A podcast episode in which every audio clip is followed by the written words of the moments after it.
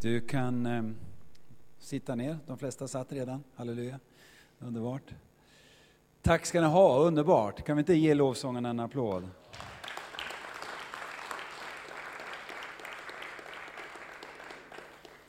Tyvärr kan jag inte spela, jag kan spela CD-spelare. Kan jag spela. Men, så jag är så glad för de som kan eh, traktera instrument och sjunga. Jag sjunger hellre än bra, men, men det gör vi alla, eller hur? Vi deltar. Amen. Men det är underbart med, med lovsånger också, som kan hjälpa oss att komma inför Gud. Eh, lovsången är ju, eh, vad ska man säga, det är ett pedagogiskt instrument för Gud, eh, att låta själen bli stämd efter Gud. För ibland kommer man ju från helt knasiga situationer, och så ska man försöka bli lite andlig när man kommer in. Och, och då, då är det väldigt bra med lovsång, eller hur? Har du Bibeln med dig så eh, låt oss eh, slå upp eh, Första Mosebok 37. Idag kommer jag säga lite saker sådär som kanske provocerar dig, men, men eh, du, Bibeln säger att du är skyldig att älska mig i alla fall. Eh, och, eh, men jag tror, jag tror att vi kommer att landa rätt bra. Eh, men, men ibland är det ju så, ehm, för att en ny tanke ska få plats så måste man kanske putta ut någon annan. För ibland kan det vara lite trångt upp i huvudet. Och, och nya tankar har, har, har kanske svårt att, att, tränga igenom för att man tänker, nej men så kan det inte vara. Men ibland kan det ju faktiskt vara så ändå. Och, och pratar du med någon som är från Mellanöstern, då är de ofta liksom, jo men det kan ju vara så, men det kan ju vara så här också. Och pratar du med, med oss i västerlandet, då är det nej, antingen eller. Och det är liksom, vi har vår trygghet i att det är antingen eller. Men nu har jag gått med Gud så länge så att jag lutar nog mer åt det judiska sättet att tänka. Det kan vara lite både och faktiskt. Ehm, så att, eh, och det hjälper en när man, när man ska ta emot en ny tanke från Gud. Eh, så första Mosebok 37, då känner du till, eh, kanske om du, om du läser din bibel, att det här handlar om Josef. Och Josef är 17 år. Har vi någon 17-åring här idag? Har vi någon 16, 17, någon tonåring om jag säger så då? Okej? Okay? Tonåring. Men Josef är 17 år eh, och eh, han är näst yngst. Eh, hans pappa eh, är inte så bra pappa på det området att han faktiskt favoriserar Josef. Och det gör ju att de andra bröderna, de är ju avundsjuka. Så det, det, han, han, Jakob har själv skapat en, en, en jobbig situation i familjen. Eh, och eh, nu är det så här att Josef då, han får en dröm ifrån Gud. Han får inte bara en dröm, han får två drömmar. Och han är väldigt pigg, precis som en 17-åring är. Lyssna! Alltså jag har fått en grej från Gud här va. Och så berättar han gärna den här drömmen för sina bröder. Och eftersom då pappan också har gett honom en, en, en rock med många färger, så de tycker inte alls om den här brodern. Så att det, det är en lite jobbig situation här. Och eh, när han då berättar den andra drömmen, för att första drömmen handlar ju om att hans bröder ska komma och buga sig för honom. Du kan tänka dig själv för en 17-åring, alla hans äldre brorsor. Eh, hörni, jag har en dröm va. Och så, så meddelar han drömmen, alla ni, alla ni ska bara böja er för mig. Va? Och det är mycket jag, det är mycket mig, det är mycket mitt i allt det här. Och, och visst, ungdomar är, eh, ni, alltså, de har mycket energi, och det, men det kan också bli väldigt självcentrerat. Och det är det faktiskt i, i Josefs fall. Sen när han får andra drömmen, då blir det ännu värre, för att då skulle både mamma och pappa böjas också. Och då när han berättar det så blir hans pappa, men vad är det för dröm du har haft? Skulle jag och mamma böja oss? Eh, så att eh, det här är det här sammanhanget som, som vi nu ska, ska titta på. Eh, och eh, Josefs uttydning av allt det här, den är ju när man läser texten, den är ganska egoistisk. Den är ganska självupptagen. Och han själv är i centrum av allt som sker. Och han tycker att han är jättemärkvärdig. Och hans brorsor hatar honom ännu mer på grund av det här. Och jag vet inte om du har haft någon dröm. Nu kanske du inte vill ha någon dröm när, när jag hade den här inledningen. Men, men vi har alltid drömmar, vi har alltid en längtan, vi har alltid någonting vi vill uppnå och så vidare. Eh, och eh, frågan är ju då, när drömmen är från Gud. För vi kan ju ha egna drömmar och det är inget fel i det. Och vi ska ha det, jag menar det, Gud har bara skapat oss sådana. Men om det är en dröm från Gud, vad är det ofta första vi hittar på då? Som fråga. Hur ska det här gå till? Eh, och, och, och, så är vi ganska, vi är ganska eh, otåliga, vi kan vara rastlösa, vi kan vilja att det skulle ha hänt igår. Eh, och du vet om du har fått ett profetiskt tilltal, eh, man undrar, åh nästa vecka kanske? Nästa vecka blir det säkert så. Och sen vissa tilltal som du har fått, du vet att det gick tio år innan ett tilltal gick i uppfyllelse, eller hur? Men man kan säga så här, det finns en princip i Guds ord, och det är just detta att ju längre tid det tar för uppfyllelsen av en profetia, desto starkare blir uppfyllelsen. Kom ihåg att Gud själv profeterade över ormen. Men han profeterade också över Människosonen. I bibliska mått tog det 4000 år innan den profetian gick i uppfyllelse. Det kan man kalla att få vänta. Eller hur? Men vilken stark uppfyllelse. Så frågan är nu, när man får en dröm ifrån Gud, eller en vision, ett uppdrag, ehm, eh, någonting, jag menar i moderna termer, eh, jag såg att vi hade en broschyr här om Focus Business School, och då börjar man ju tala om mål, måluppfyllelse, man börjar tala om eh, plan, affärsplan, planering och så vidare. Och så vidare. Och det, är liksom, det går ju in i varandra det här. Men även som familj har man ju planer. Som familj har man ju kanske en vision eller en dröm om någonting. Och, och, och, så fort man får det så börjar man planera. Man börjar tänka hur ska det gå till, hur ska man göra och vad måste man göra för att komma vidare. också. Och, och Är det inte så att du och jag tänker, okej okay, här har vi målet, det, det är B. Och A, det är var jag står. Så nu ska vi från A till B, eller hur? Vad gör man ofta då? Ja, man ritar ett streck från A till B. Det är snabbaste vägen. Men har du tänkt på att livet går aldrig rakt fram? Det, det går aldrig rakt fram. Och det är det här som är då det som kan för oss bli lite jobbigt. Därför att vi har en vision kanske i församlingen, vi har en vision i familjen. Jag har fått en vision om, om min tjänst eller någonting annat. Och oavsett vad det nu är, vision, uppdrag, vilket ord vi nu än använder, så är det ju aldrig så att det är ett rakt streck från A till B. Och ju fortare vi lär oss att det går i kringelikrokar, desto bättre har vi att kunna tackla livet. Okej? Okay? Därför att eh, när man möter Gud, då börjar ju en resa, eller hur? Vad sa Jesus? Följ mig. Gick han alltid rakt fram? Ja, han gick omkring, står det. Och gjorde gott. Och botade alla som var under djävulens våld. Det vill säga, han gick dit Gud ledde honom. Och då har jag liksom det här påståendet som kanske blir då lite, lite provokativt. Och det är detta, Guds vilja och Guds vision, det är inte samma sak. Det är det här som är så bra när man, när man säger en sån här grej. Äh, och skulle vi göra en undersökning på dig nu, då börjar dina pupiller vidgas. Du får lite handsvett, eh, pulsen går upp lite, för nu, nu måste du tänka till. Nu måste du börja jobba och lösa ett problem här. Och det är det som är så bra med oss frikyrkomänniskor. Vi blir utsatta för det här varenda vecka. Förhoppningsvis, eller hur? Eller? Ja, en predikan kan aldrig vara medhårs, för då har du inte lärt dig någonting. Om du inte blev utmanad på någonting, utan det var bara gullegull och, och, och, och gullgull och sen jättemysigt kristet fika. Och...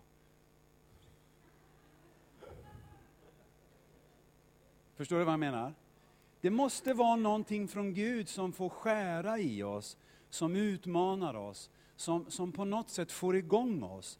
Jag menar, i, I det fallet så är det helt makalöst vad frikyrkliga, vilket försprång vi har. Vi måste tänka varenda vecka. I världen slipper man det, det är bara att sätta på TVn. Men vi går i kyrkan på söndag och måste tänka till. Därför att det sägs någonting som faktiskt rör, det rör min ande, det rör mitt hjärta. Och, och det, det rådbråkar mina, mina grå. Hur många jag nu har, det, det, det är väl personligt, men det spelar ingen roll. Vi blir utmanade därför att Gud vill inte att vi ska vara Stilla sittande. Så Gud säger, följ mig. Då börjar en resa, eller hur? När man får en dröm, en vision eller någonting från Gud och man tycker att det går för sakta, vad, vad brukar man göra då? Jo, då brukar man hjälpa Gud. Hur många har försökt hjälpa Gud? Alla har vi gjort det, eller hur? Vi är alla skyldiga. Vi försöker hjälpa Gud. Och då får man problem, för att när man försöker hjälpa Gud, istället för att göra vad Gud säger, då föder man ofta en Ismael. Det är därför bibelhistorierna är där, för att vi ska se vad var det nu som gick fel och vad var det nu som var lite galet. Kan, skulle man kunna ha gjort det på ett annat sätt? Jag menar, Bibeln är full av tillfällen när människor blev så stressade över sakers tillstånd så att de gjorde något själv. Och så kommer alltid någon profet och säger, vad har du gjort? Ja, men, börjar vi då. Eller? Ja. Vi försöker hjälpa Gud och det ska vi inte göra. Vi ska göra vad Gud säger. Och det är därför som jag säger så här. Guds vilja, det är inte samma sak som Guds vision. Nu fattar ju du att Guds vision, det är ju hans vilja. Men det är därför jag säger att Guds vision och Guds vilja, det är inte samma sak. Nu kanske jag förvirrar dig ännu mer, men, men vi, vi ska komma till klarhet. Därför att, om, om, om du tänker så här, vad var syftet med att Jesus kom? Yttersta syftet. Det absolut yttersta syftet. Vad var målbilden för Jesus? Det var att dö på korset, eller hur? Men föddes han i Betlehem och stod och väntade på att korset skulle komma? Stod han där i 30 år och, och gjorde ingenting? Nej. Utan vad sa han? Johannes 5.19 säger han så här, jag gör bara vad jag ser Fadern göra. Det gör jag. Jag står inte still, jag är på väg till korset, det är min målbild, det är min vision. Jag ska dö för hela mänskligheten, men jag står inte och väntar. Jag gör, alltså, Guds vilja, det är att göra hans vilja. Sen kan den yttersta viljan så att säga vara visionen naturligtvis. Men det är inte det dagligdags. Och det är därför det är viktigt att skilja mellan, vad ska jag göra för dig Gud? Och åt vilket håll är jag på väg? Därför är det så att visionen, uppdraget eller bilden man har, det inspirerar dig att röra dig framåt, mot målet.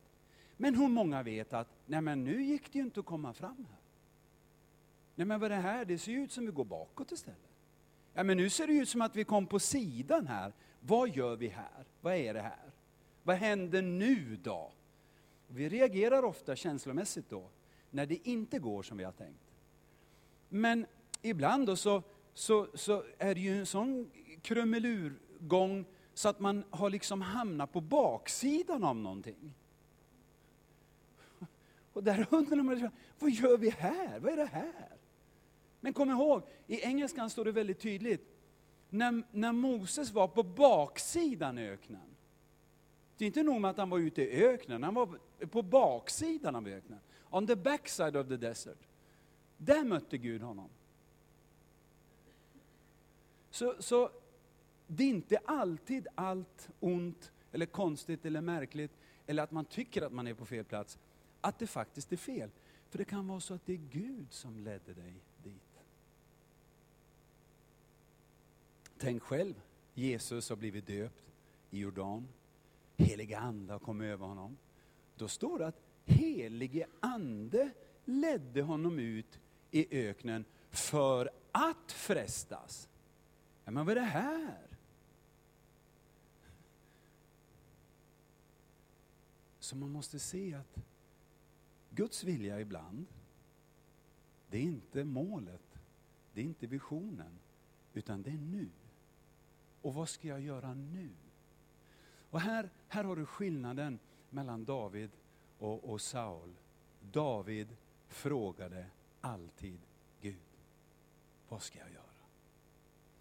Och det är det som är meningen med våran resa. Så Guds vilja, det är något du gör nu, det är resan som Gud har fört dig in i. Eh, om du tittar med mig till Hebreerbrevet 10.36 så kan du se att det jag säger är på något vis eh, grundat just här i den här versen. Hebreerbrevet 10 och 36.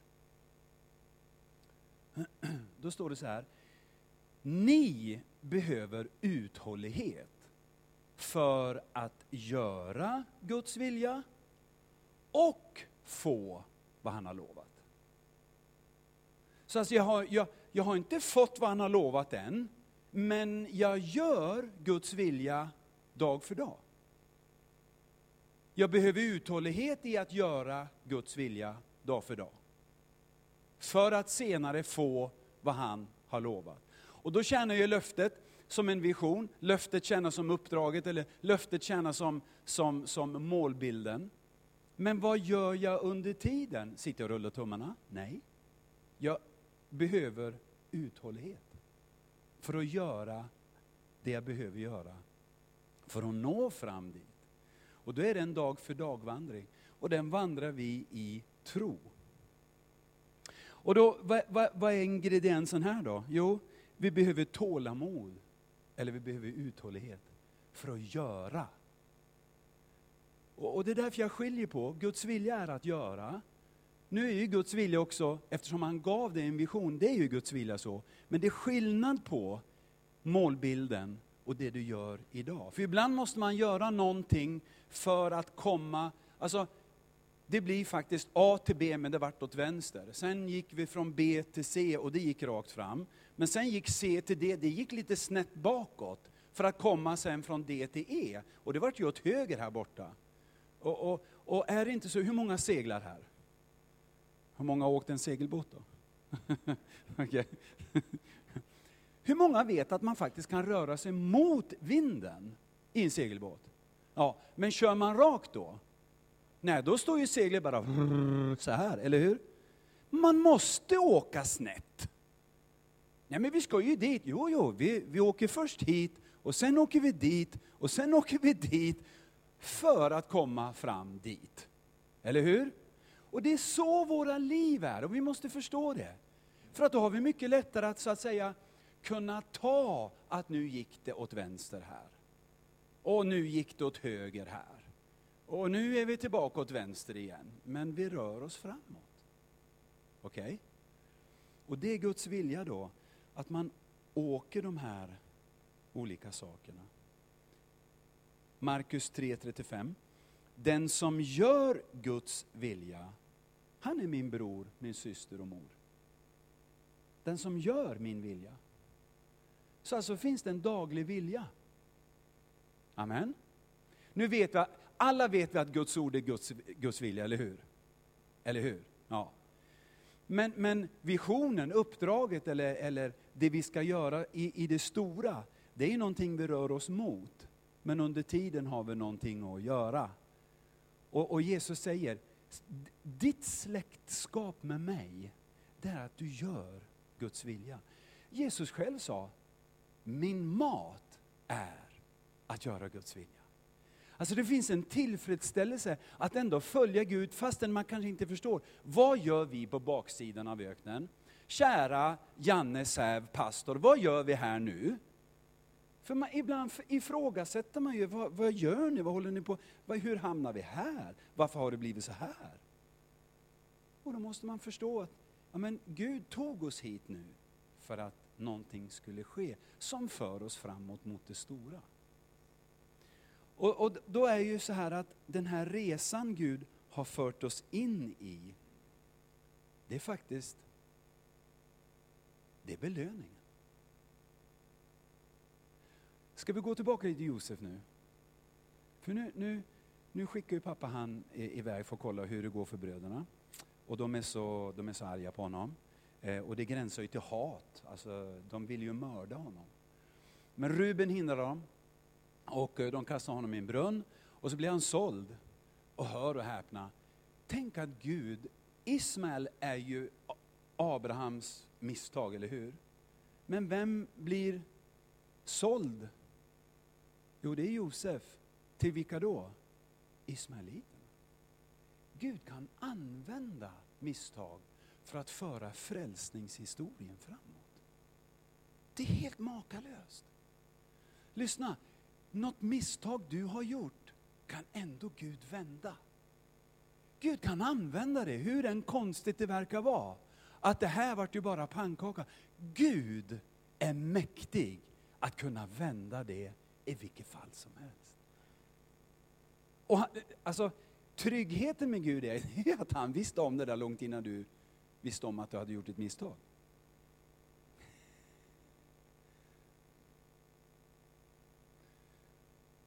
Filipperbrevet 2.13, vad står det där?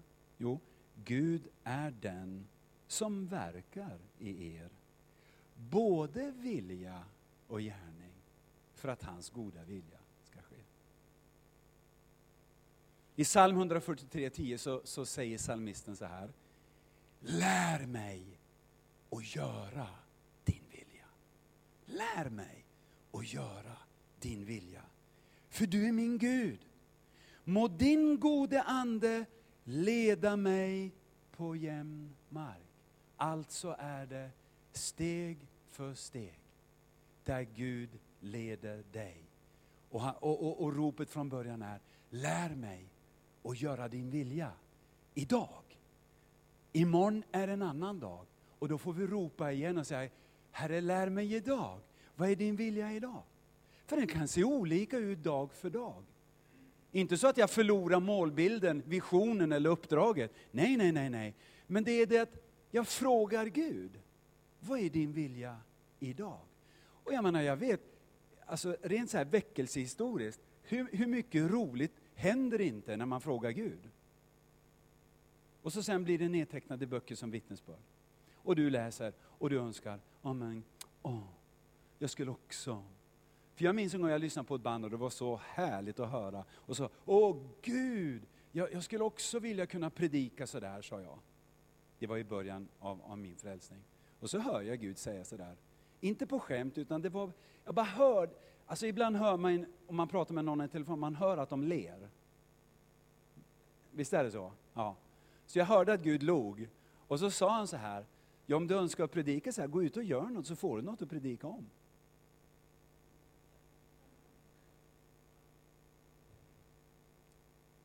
Okej. Okay. Guds resa som för dig mot målet eller visionen. Jag har ett syfte. Vad är det syftet? Jo, det syftet är att producera Kristuslikhet i dig. För vad, vad var det vi behövde för att få vad utlovat är? Tålamod. Är tålamod en av Andens frukter?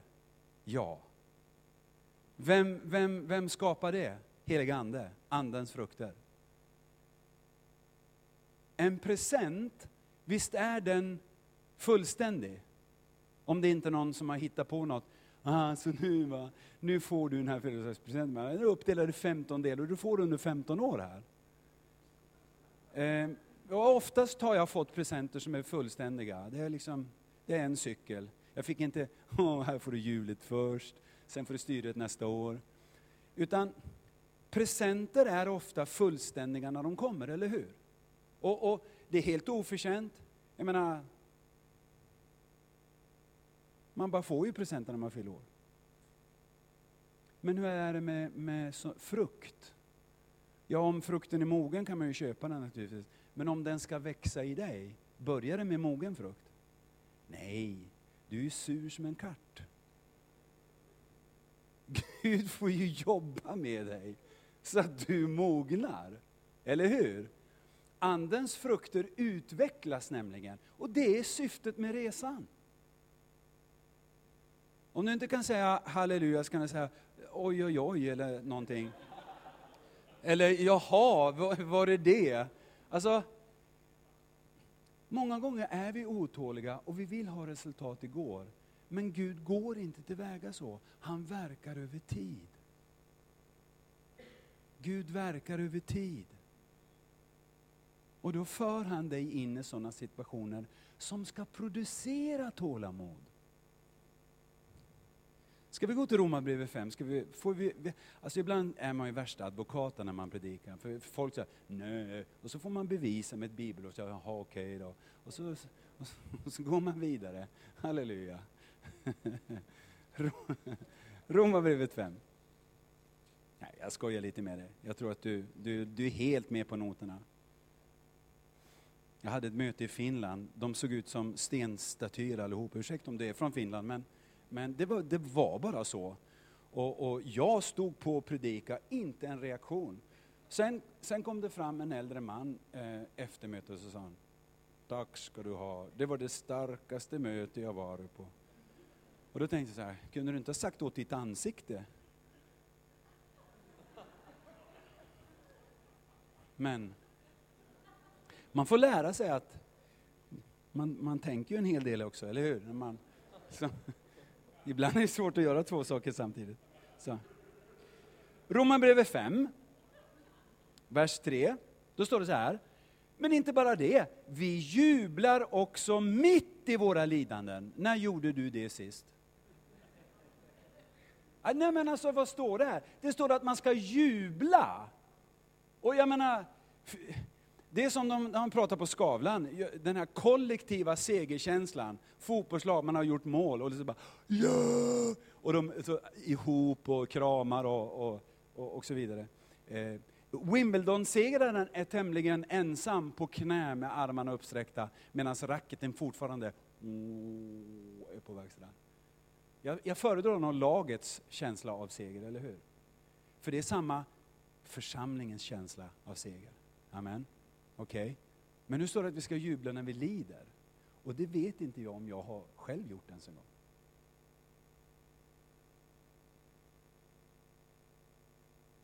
Idag ska jag med min församling, för jag sa någonting. Sen var jag tyst bra länge. Och sen var jag tvungen att säga, ja jag skulle bara se vem som blev mest nervös, du eller jag, av den här konstpausen. Därför att ibland måste man tänka efter. Man måste brottas med det man hör. Och jag menar, står det nu att vi ska jubla våra lidanden? Varför, var, varför ska vi göra det Paulus? Kan du tala om det? Jo, han säger eftersom vi vet att lidandet ger tålamod. Alltså kan man inte få tålamod här framme vid altaret. Man kan inte få tålamod med handpåläggning. Tyvärr, I'm sorry. Det vore rätt skönt. Man gick alltså, och, och, och det är väckelsemöte, det är extrapris i församlingen på tålamod idag. Det är som rea på, på tålamod.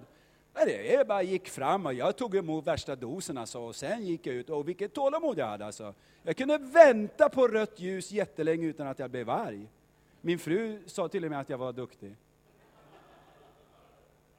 Och då måste man inse, okej, okay, tålamod kommer när jag lider, alltså kan bara tålamod komma när jag är irriterad. Jag brukar alltid använda någon som sitter på första raden, ni får bara ursäkta, ni är statister idag, okej? Okay? Det är helt okej. Okay. Ja, ni vet att jag älskar er. Tålamod kan bara komma när jag är irriterad. För det är ju då jag upptäcker att jag har behov av det. Alltså, när jag kör bil, och det här är ju det är, det är inte så roligt att berätta, men det är illustrativt. Jag tycker att alla andra undrar, alltså jag undrar vilken körskola de har gått i. Och då min fru hon säger, men Åke, du vet väl inte vad de här framför nu har gjort? De kanske kommer från en begravning eller kanske förlorar jobbet, fått sparken precis och nu sitter de och tänker på annat. Och då och sa ja, jo, jo du har rätt, säger jag. Ja, förlåt Gud. Alltså tålamod upptäcker man att man behöver när man är irriterad. Kan det då vara så att Gud inte skyddar dig så att du är immun ifrån situationer som är jobbiga?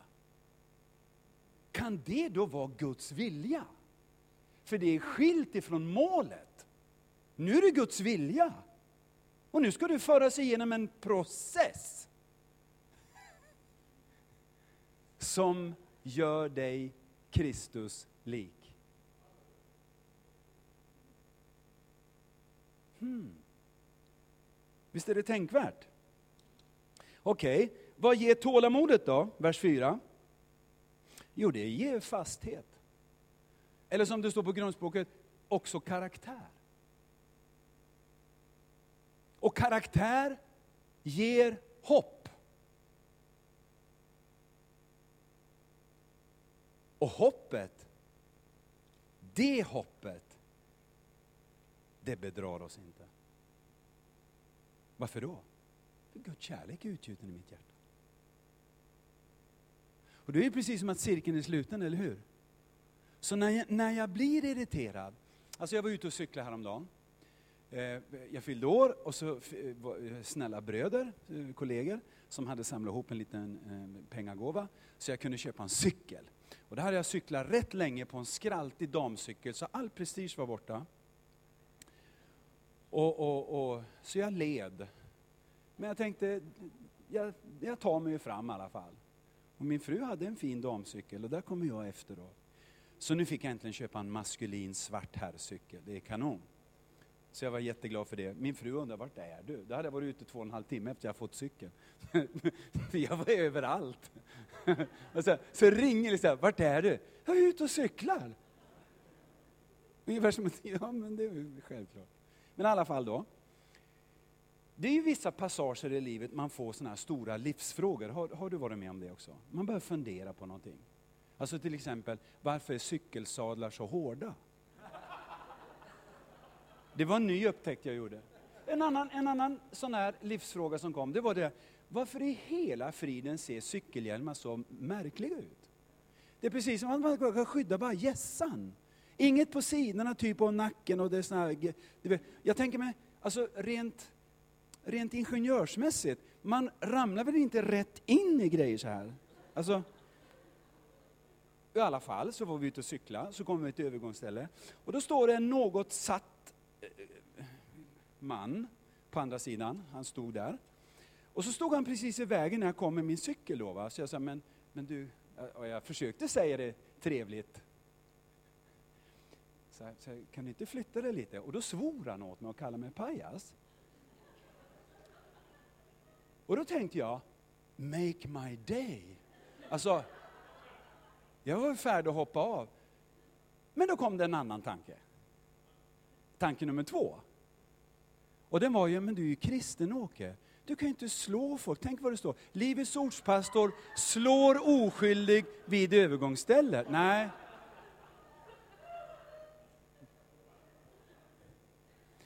Men jag hade så mycket adrenalin i kroppen, så tänkte jag, men vad, vad, vad fint att jag har en cykel nu. Nu kan jag cykla av mig det här, och så cyklade jag hem. Och när jag kom hem då, då, då hade liksom systemet tagit hand om det där, så jag var väldigt glad. För det är en sån här stenåldersreaktion, eller hur? Fly eller fäkta. Det, eller Ja. Värsta Tyrannosaurus rex. Ska vi, ska vi slåss eller ska vi springa? Man behöver adrenalin då, eller hur? Så jag var väldigt glad. Sen när jag kom hem så tänkte jag, när jag ställde mig, och för jag kom in och såg mig i spegeln med cykelhjälm.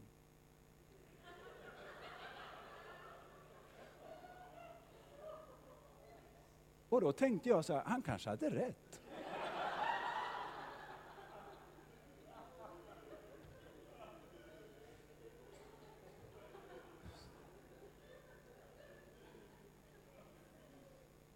Så då fick jag ju be Gud om förlåtelse. För att, och det, det är då sådana här världsfrågor kommer. Så varför ser cykelhjälmar ut så här? Det är sådana här existentiella frågor. Jag lyssnade på Filosofiska rummet när jag åkte hit.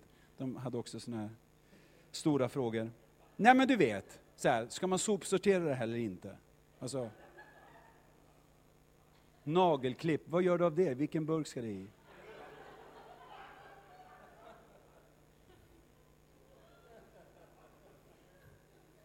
Ja, svåra frågor. Okej. Okay.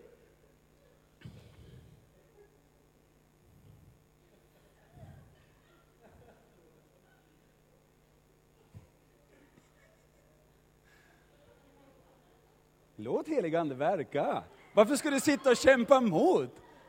Nej. Så jätteallvarlig. Nej då, skratta på bara. Det är härligt. Okej, okay. en gåva öppnar vägen för en människa, för henne fram inför de stora. Så säger Ordspråksboken, eller hur? En gåva öppnar vägen för dem fram inför de stora. Men hur stannar man kvar inför de stora? Om du som människa kör på din gåva, då är det precis som bensinen i en tank, den tar slut efter ett tag. En gåva, en gåva kan föra dig framåt, föra dig fram inför de stora. Men hur stannar du kvar där? Jo, det är bara karaktär som kan få dig att vara kvar. Och då, då ser vi stegen här. Lidande ger tålamod, tålamod ger karaktär. Karaktär ger hopp. Och, och hoppet bedrar mig inte nu, för nu har jag gått de här stegen som Gud vill. Och Gud har fått liksom sortera fram tålamod. Han har fått sortera fram karaktären, fastheten. Så Josef, han blir såld som slav. Josef gör bra ifrån sig. Puttifar och Puttimor. Ja, men det, han hette ju Puttifar, då måste ju hon heta Puttimor. Nej, men i alla fall. Han, han, gör bra ifrån sig, så han stiger i graderna, han får ta hand om allt, för han är duktig. Han måste vara en duktig administratör, han måste, ha duktig, han måste ha blick för grejer, och han måste ha haft ett vinnande sätt, så han fick med alla. Naturligtvis så blev han befordrad. Men frun börjar också se nu, åh, han fyller 18, åh, han fyller 19, vad snygg han är. Nu fyller han 20 här, och oj, oj, oj, oj, oj. Och så börjar hon lusta efter honom. Och, och, och, och, på grund av henne då, så hamnar han i fängelse. Och Josef, men vad hallå, jag hade ju nyss kommit upp mig. Jag har ju nyss fått befordran. Och nu, nu sitter jag ju här då. Men Guds hand är över honom. Så han blir snart eh, boss där nere också. Fixar och donar i fängelset. Men vad är, det, vad, vad är det den här tillvaron nu gör med Josef? Jo, han får lida. Det lidandet producerar tålamod i honom. Det, det tålamodet ger honom en karaktär som han absolut inte hade när han var 17 år och kaxig och sa, brorsor, ni ska böja er för mig. Nu är det en helt annan sak. Och sen vet vi vad som händer. Att eh, långt om länge och, och, och räknar man ut, och det finns de som har räknat på detta, att Josef är ju omkring 30 år när han står inför farao. Från 17 år fram till 30 år har han gått livets hårda skola och blivit en annan människa. Han är utkastad, han är förkastad, han är illa sedd, han är illa behandlad, han är ljugen på, han är bedragen, han hamnar värst i tillvaron i ett fängelse. Och så uttyder han drömmar. Och nu börjar han säga, nej men alltså det är ju Guds sak och grejer det här. Och, och men jag, jag, tror att det är så här och så. Och så vet ni historien, han kommer inför farao. Och så blir han ju administratör över hela riket. Vad är det här för resa? Jo, resan är belöningen. Vad vi ofta tänker det är att måluppfyllelsen är belöningen, eller hur? Men det är det inte. Vi måste inse att Guds vilja är belöningen dag för dag. Där i ligger vardagens glädje av att vara en efterföljare till Kristus. Så, jag menar, hur tänkte Josef när han fick den här drömmen och berättade den för brorsorna? Ja, han såg väl framför sig hur det där skulle gå till, eller hur? Han såg väl framför sig att mamma och pappa ska böjas också, ni allihopa. Och där, där står jag liksom och... Alltså han såg sig själv där. Men hur blir måluppfyllelsen? Ja, han själv var egyptisk frisyr, egyptiska kläder. Och här är brorsorna och det är en tisdag, och det är eftermiddag, och det är hett i Egypten, massa tjänstemän springer, åsnor skriar, massa med turister, och så alla de här som ska ha mat, och där står de och de böjer sig för honom. Han har ju inte en njutningen ens av oss, att de känner igen honom. Han kan ju inte säga, vad var det jag sa? Nej, han bara står och tittar på dem. Jaha, det här är måluppfyllelsen. Det här var min dröm. Ja, ja det var intressant. Det var inte alls som jag tänkte när jag var 17. Eller hur? Han, han, har ingen, han har ingen nöje av att de böjer sig för honom. Det finns ingen sötma, det finns ingen seger, det finns ingen triumf. Utan det är, det är en väldigt märklig situation. Men det är en uppfyllelse av drömmen. De böjer sig, de knäböjer framför honom. Och så, så känner ni till historien, eller hur? Hur den då rullar på. Och Det är ju så här att om resan är belöningen, då är det upp till dig och mig att ta vara på vardagen. Nu säger visserligen Jesus att vardagen har nog av sin egen plåga. och, och, jag menar, okej, okay, men om jag tittar på det från det här hållet, då kanske det är en god plåga och inte negativ. Förstår du vad jag menar? Eftersom den förvandlar mig. Den gör något med mig. Ja, men jag får ju tålamod, jag får ju karaktär, jag får en fasthet i mitt liv. Och när jag nu ställs inför ett prov av att tro på Gud, så har jag någonting helt annat i mig, som har en uthållighet, som kan vänta tills jag får vad utlovat är.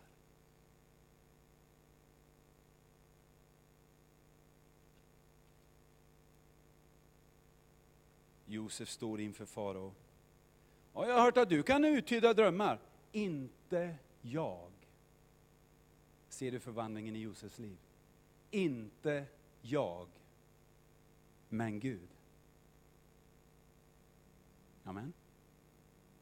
Inte jag, men Gud. Och det är dit Gud vill föra varenda en av oss. Att det är inte jag. Det är inte du. Det är Gud. Och det är hela syftet med resan att göra oss Kristus lika. Och därför ska vi inte, därför ska vi inte, alltså ibland är vi, vi är så bortskämda i våra länder. Vi får ju inte ens ha ont. Vi, vi, alltså ibland käkar vi ju Valium som, som, som popcorn. Alltså, magnesyl, Alvedon, vi får inte känna smärta, vi får inte liksom... Det finns någonting där vi skyr svårigheter. Och nu när, när den här flyktingkatastrofen är över oss, då har vi svårt i anknytningen till det. Ja, vi, vi, vi fattar inte vad de går igenom. Gud måste uppenbara det för oss, så att vi blir barmhärtiga. Alltså det är nog med tokerier på, på, på internet, där kristna har, har de mest befängda idéer. Kära någon, min bibel, i Jakobs brev så säger Jakob, gör inte skillnad på människor. Det står inte om de är frälsta eller ofrälsta. Det står bara, gör inte skillnad på människor. Och sen säger han lite längre fram i vers 13, domen ska utan barmhärtighet drabba dem som inte har visat barmhärtighet. Barmhärtigheten däremot triumferar över domen.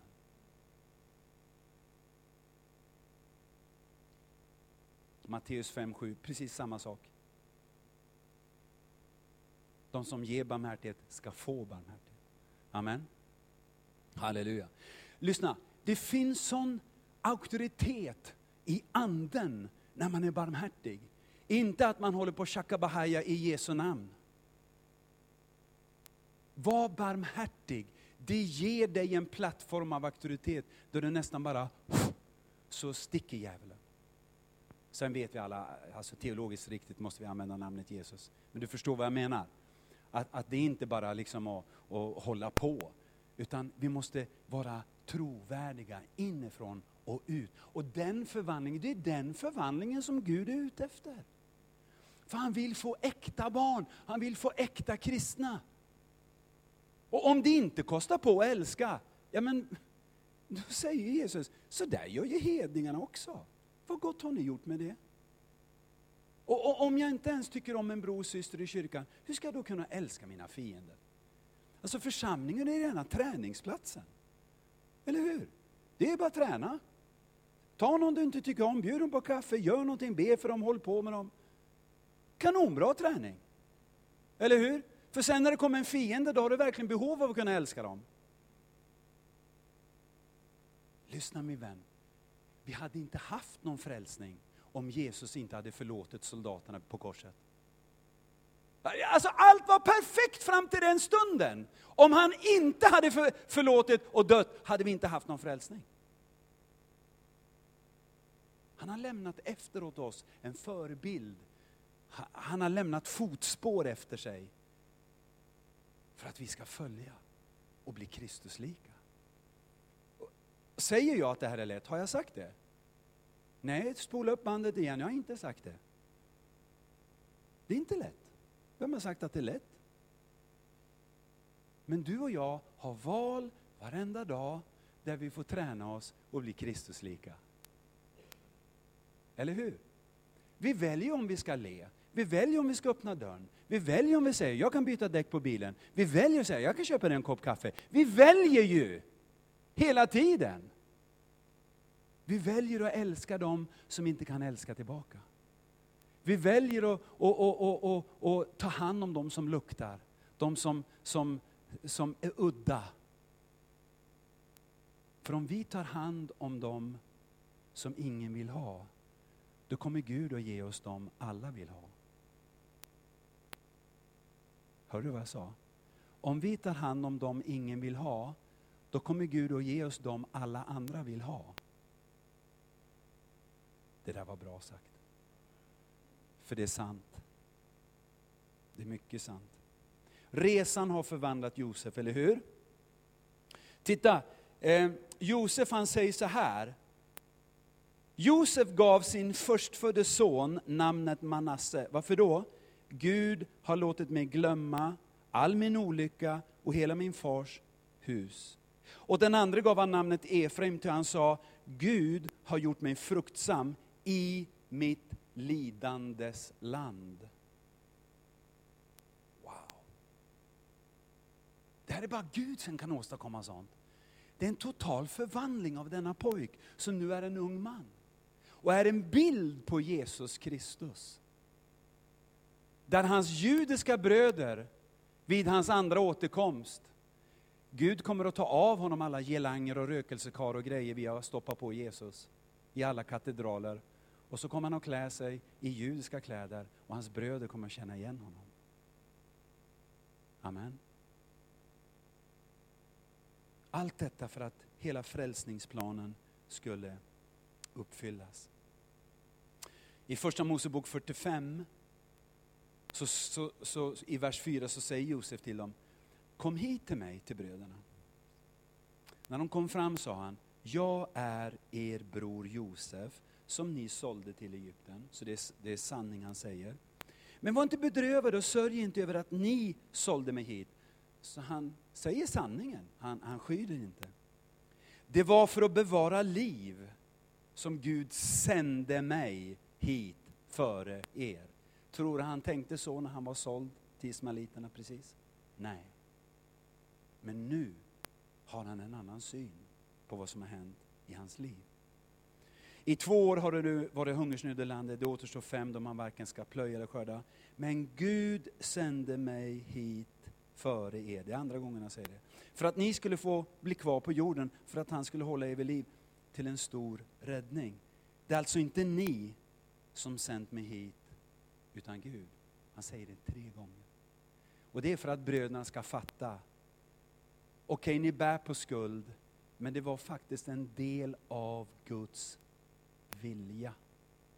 Och det är det här, min vän, som vi ibland har så svårt i västerlandet att förstå att även ett lidande inte explicit kommer från Gud, för det kan komma verkligen från djävulen. Men Gud kan använda det för sina stora planer. Och därför ska vi inte liksom stå emot allt som sker, utan vi ska fråga Gud, vad är det här Gud? Och om han då tiger i sin stilla kärlek. Han, han tiger, han, han säger inget. Då måste vi, som, som eh, Petrus säger, anbefalla våra själar åt Gud och överlåta vår sak, vår sak i hans händer under det att vi prisar och lovar honom. Fastän det inte är så kul. Det, det, det, där har du receptet av, det är väldigt bra för lovsångare, att jubla i lidandet. För om ni kan det, då kan, då kan ni lära ut det. Man behöver inte säga något. Man behöver bara, man behöver bara sjunga en sång som jag är så berörd av, fast jag hade det jobbet, så prisar jag Gud i alla fall. Nästa gång jag gör det, och jag prisar Gud, då känner folk, han har varit med om någonting. Det finns ett djup i honom. Gitarren har en resonanslåda för att strängen inte ska vaja mitt i tomma intet. För det, då blir det ingen ton. Gud är ute efter att skapa i dig en resonans. Så att när han spelar på dig avger du ett harmoniskt ackord mitt i fängelset. Paulus och Silas, det är bara att ta alla exempel vi kan. Det är det här Gud vill göra. Nu var det så här att jag, jag, jag fick ifrån Gud, den här predikan ska du ta, för jag predikar den hemma. Då är det så här att för ett och ett halvt år sedan så blev en vän till mig fängslad i Syrien av al-Nusra. Och du kanske läst om det i, i, i, i, tidningen. Det har inte stått så mycket faktiskt, men det är väl typiskt för att han är kristen. Då. Det har liksom inget nyhetsvärde för mediafolket. Han och en vän till åkte iväg från Jordanien in i Syrien och skulle åka till ett ställe och evangelisera och hjälpa. Ja, syftet var att de skulle hjälpa en församling. Det var det huvudsyftet. Men eh, taxichauffören var, var köpt, så han, han körde dem direkt till Al-Nusra. Och där tog de av dem alltihopa, fick nya kläder, gamla eh, jobbiga kläder. Och eh, sen satt de fast. De satt på, jag tror fem olika ställen under ett och ett halvt år. Någon gång var det i ett skjul där det var 40 grader varmt under dagarna och 32 på nätterna. Eh, någon gång var de i en grotta. De hörde andra medfångar torteras, de skrek. Eh, de blev utsatta för skenavrättningar, misshandel. Och, ja, du vet, hela programmet. Och de, de, de visste ju inte från dag till dag om de skulle leva nästa dag. I alla fall så eh, blev de ju fria då till slut. Och vi kunde inget säga. Frun ringde till oss och berättade att min make är fängslad där och där, men ni får inte säga något. För att så fort det kommer ut i tidningarna höjer de lösensumman. Så, och, och, och, är det någonting som kommer till polisen kommer polisen att förneka, nej vi känner inte till någonting, vi vet ingenting. Så så var det. Så vi bad i tysthet, Eh, eh, och, och många, många andra som hon hade ringt och kände förtroende för och hennes gamla vänner och så vidare var med och bad. Och så kommer dagen eh, när, när han blir frisläppt. Och det, det, alltså, det är en väldigt dramatisk historia, eh, liksom hela den här grejen. Då. Men i alla fall, de kommer hem. Och eh, 14 dagar efter frigivningen, eh, de, de, de, blev körda utav de här till gränsen, sen stack de där al-Nusra fick de gå vid gränsen själv och där mötte jordansk polis och eh, en från Säpo i Sverige. Eh, tog dem ner till Amman och så flög de till London, London till Landvetter. Eh, eller eh, till, till Stockholm och så sen så eh, var de hemma. 14 dagar efter det så kom de och hälsade på oss.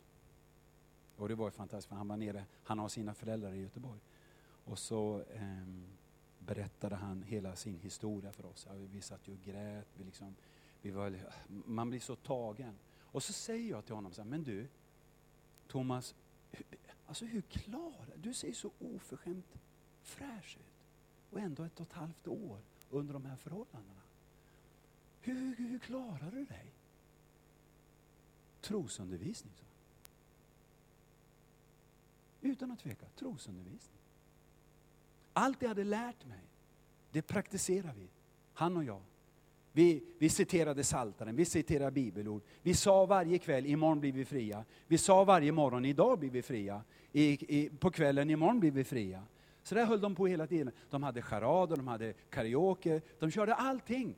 Hjälpte varandra, peppade varandra, talade Guds ord, talade Guds löften, bad och så vidare. Trosundervisningen. Och så när jag ska predika den här predikan, då tänkte inte jag på honom. Jag hade bara gjort den. Jag bara fick den, jag gjorde den. Och så när vi ska be innan mötet då, vem tror du stolpar in där om inte Thomas? Då var han nere och hälsade på sina föräldrar. Jag tänkte, jag går i kyrkan och jag går till Åke och Kerstin. Och så är han med där. Så jag har sett honom på första raden. Ingen vet ju vem han är. Alla undrar, vem är det där? Någon som bara sitter på första raden. Och eftersom de såg att jag liksom gjorde ingenting åt det, så sa jag, jaha, mm, det är fine.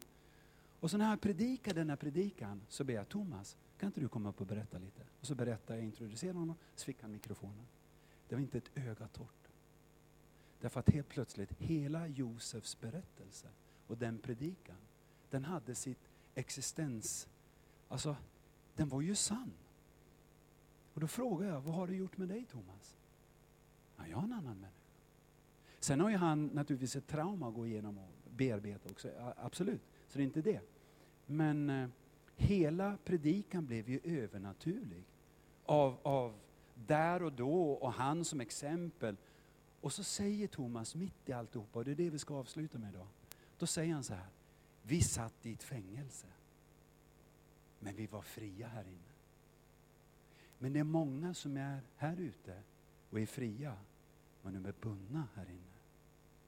Och därför så ville jag då, när jag hörde det, sa Thomas, kan inte du be en bön om att de som är fängslade här inne ska få uppleva sin frihet? För ibland handlar just den här bundenheten om fruktan inför att Gud ska leda mig lite krumeluraktigt. Fruktan för att omständigheterna inte är perfekta. Fruktan för tingens och omständigheter och situationer och så blir vi fångna för att då är vi så rädda att göra något så vi gör ingenting. Men det är inte Guds vilja. Guds vilja är att göra. Det finns någonting som jag kan och bör göra som han leder, utan att jag hjälper honom. Utan jag bara, Gud vad vill du? Hur ska jag, vad ska jag göra? Hur ska jag be? Ska jag göra så här? Ska jag göra så här? Alltså Gud, led mig. Och då kommer Gud och talar. Och Gud kommer att ge dig ett myrsteg kanske. Men bara du vågar det, då blir det som Petrus i båten. Är det du Jesus, så säg kom. Och så går man på det som faktiskt ser omöjligt ut. Men det funkar. Så därför skulle jag vilja be för dig. Och det är ingen som behöver komma fram. Utan nu tror vi Gud om att han löser dig. För ibland är det bara en liten hake Hallå? Men man kan låsa en toadörr med en liten hake. Och öppnar man den så kan man öppna dörren.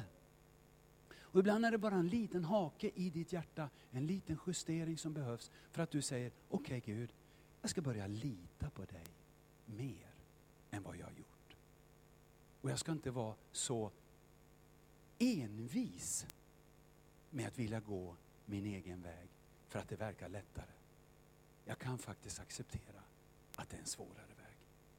För det kommer att producera Kristuslikhet. Och det är hela belöningen med resan. Amen. Blir vi sen uppryckta före, under eller efter vedermännen? Who cares? Eller hur? Who cares? Eftersom det är så mycket, jag menar hallå! Vad, vad spelar det för roll att månen är si och någon, någon rabbin har sagt så, jag har aldrig hört talas om honom. Jag menar, kan vi, kan vi, jag menar, här har vi ju en verklig bror, han kanske behöver något. Han är ju verklig. Eller hur? Istället för att hålla på med overkliga teorier. Låt oss ha fötterna på jorden och hjärtat i himlen. Det är, det är en bättre sak. Okej? Okay? Istället för att vara huvuden i det blå. Amen. Nu ber jag en bön att Gud bara ska pilla upp den där haken, att du justerar dig och att du liksom, okej okay, Gud, nu börjar jag lita på dig fullt ut. Fullt ut. För ekonomin. Jag litar dig fullt ut när det gäller bostad, det gäller arbete. Jag, jag litar på dig fullt ut över att du leder mina steg. Fader i himlen, nu ber jag för alla som är närvarande, alla som hör min röst. Jag ber för var och en som har hört detta budskap nu, att de också kan ta till sig att Gud leder oss ibland på märkliga vägar, men för att hans goda vilja ska ske. Och för att det ska producera en Kristuslikhet i oss. Därför ber jag nu helige Ande, att du verkar i vars och ens hjärta. Pillar upp den där haken som håller fast, låser till, ofta utav fruktan eller förkastelse eller stolthet. Vad det än är. Herre, du i ett öppet hjärta, där bor du, där, där kan du verka. Så du gör det just nu.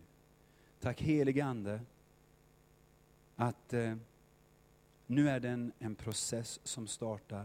Därför har vi ingen handpåläggning, vi har ingen inbjudan så. Därför att tålamod kommer inte där. Tålamod kommer i verkliga livet. Och därför så ber vi nu om mod. Vi ber om mod. Mod att gå. Mod att handla. Mod att agera. Mod att söka Guds vilja. Så jag tackar dig Herre att du från, från och med nu kommer också på ett mycket mer medvetet sätt skapa tillfällen där vi känner igen, aha, här, här är ett tillfälle att utöva tålamod och växa i det. Så jag tackar dig nu Fader för att du utför detta verk helt övernaturligt, helt utan min inblandning. Utan du heligande gör det därför att vi har öppnat våra hjärtan.